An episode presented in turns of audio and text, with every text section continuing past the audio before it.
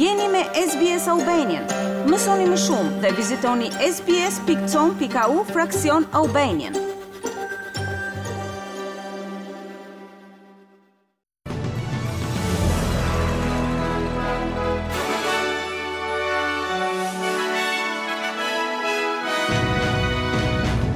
Në buletinin e sotëm informativ do të ndiqni.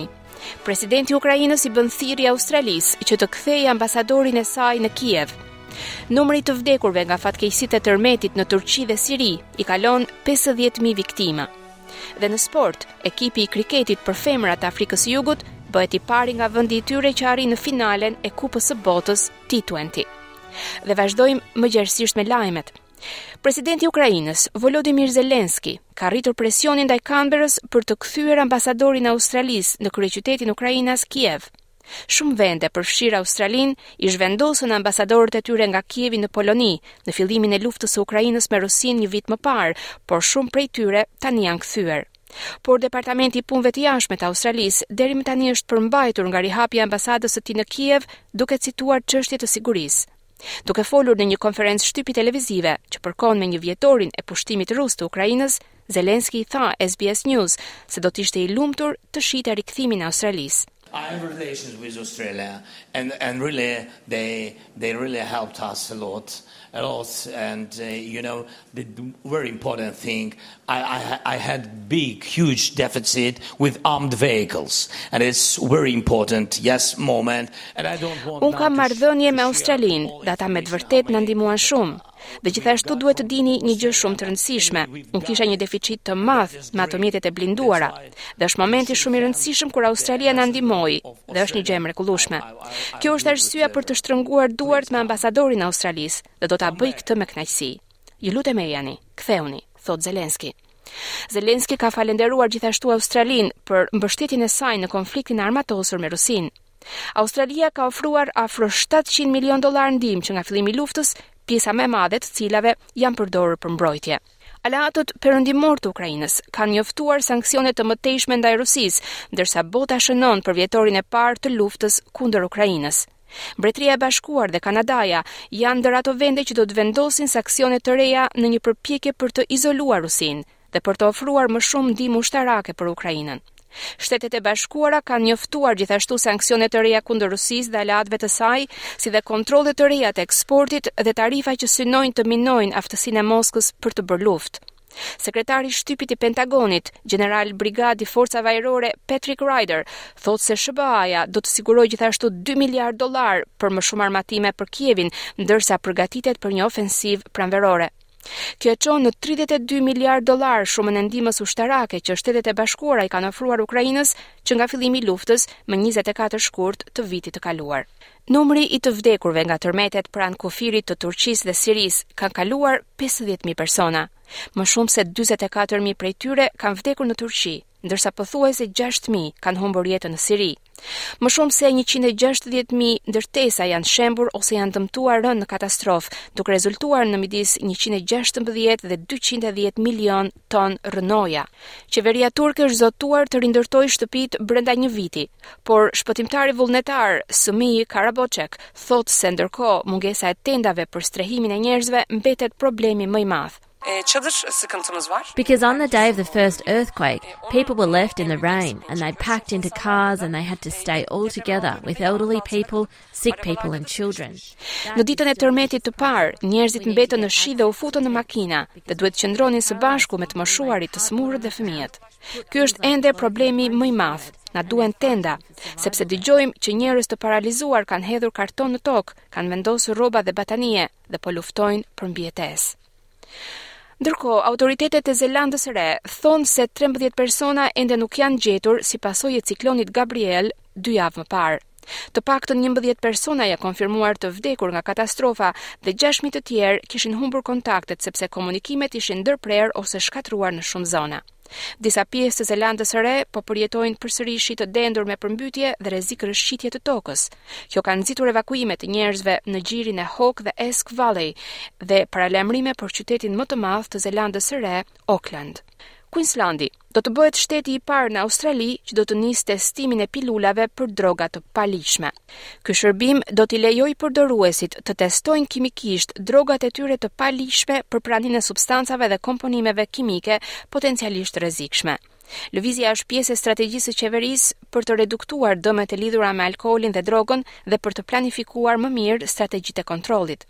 Avokatët e kanë mirëpritur lajmin dhe thonë se testimi i pilulave është në përputhje me standardet globale për minimizimin e dëmit.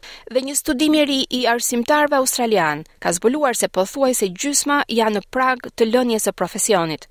Sondazhi nga organizata e shëndetit mendor, Instituti Black Dog, zbuloi se 47 për qind e mësuesve po konsiderojnë të largohen brenda vitit të ardhshëm.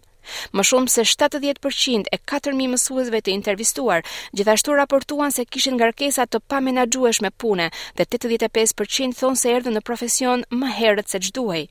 Tre të katërtat raportuan mungesa në stafin e arsimtarëve në shkollat e tyre dhe gjithashtu pohuan se nivelet e stresit, depresionit dhe ankthit janë më të larta tek ata sesa ato të popullsisë në përgjithësi.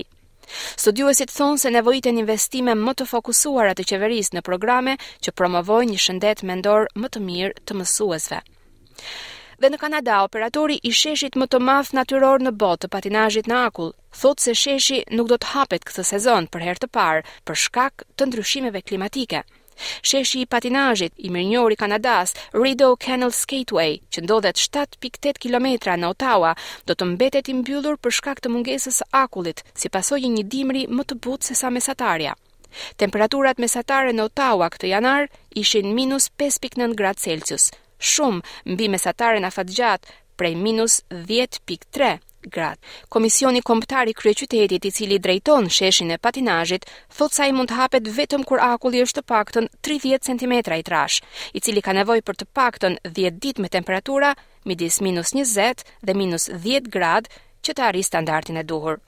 Mijëra të ftuar kanë festuar hapjen e World Pride në Sydney me koncertin Live and Proud, dhe me një sërë shfaqjesh muzikore.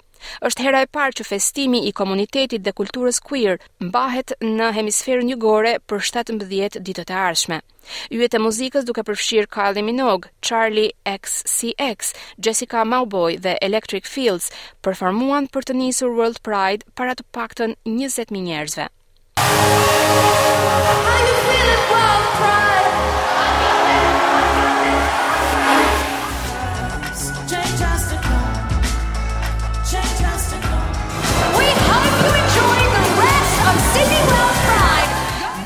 dhe promovoni mesazhin tonë të dashurisë dhe gjithëpërfshirjes. Festimet do të vazhdojnë këtë mbrëmje. Rruga Oxford e Sydneyt do të jetë e mbushur me xixa, pasi mirëpret rreth 300 mijë pjesëmarrës në festë. Më shumë se 12 e 500 mijë pjesëmarrës në paradë do të kërcejnë përgjatë 1.7 kilometrave të rrugës së veshur me ylber në një festë të identitetit queer, komunitetit dhe barazisë.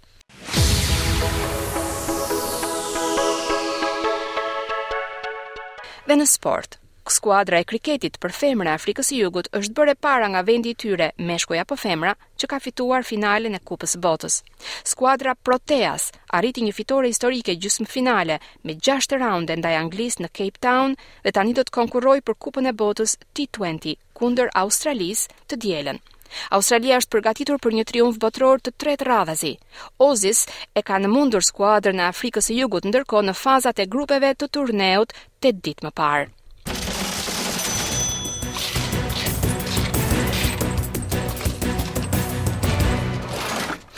Do të kalojmë tani në kursin e këmbimit të valutës australiane.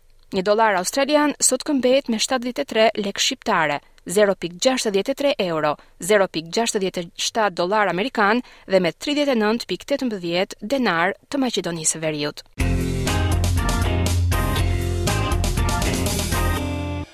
Dhe vazhdojmë me parashikimin e motit për ditën e sotme dhe të nesërme. Sot nëpër qytetet australiane janë regjistruar këto temperatura.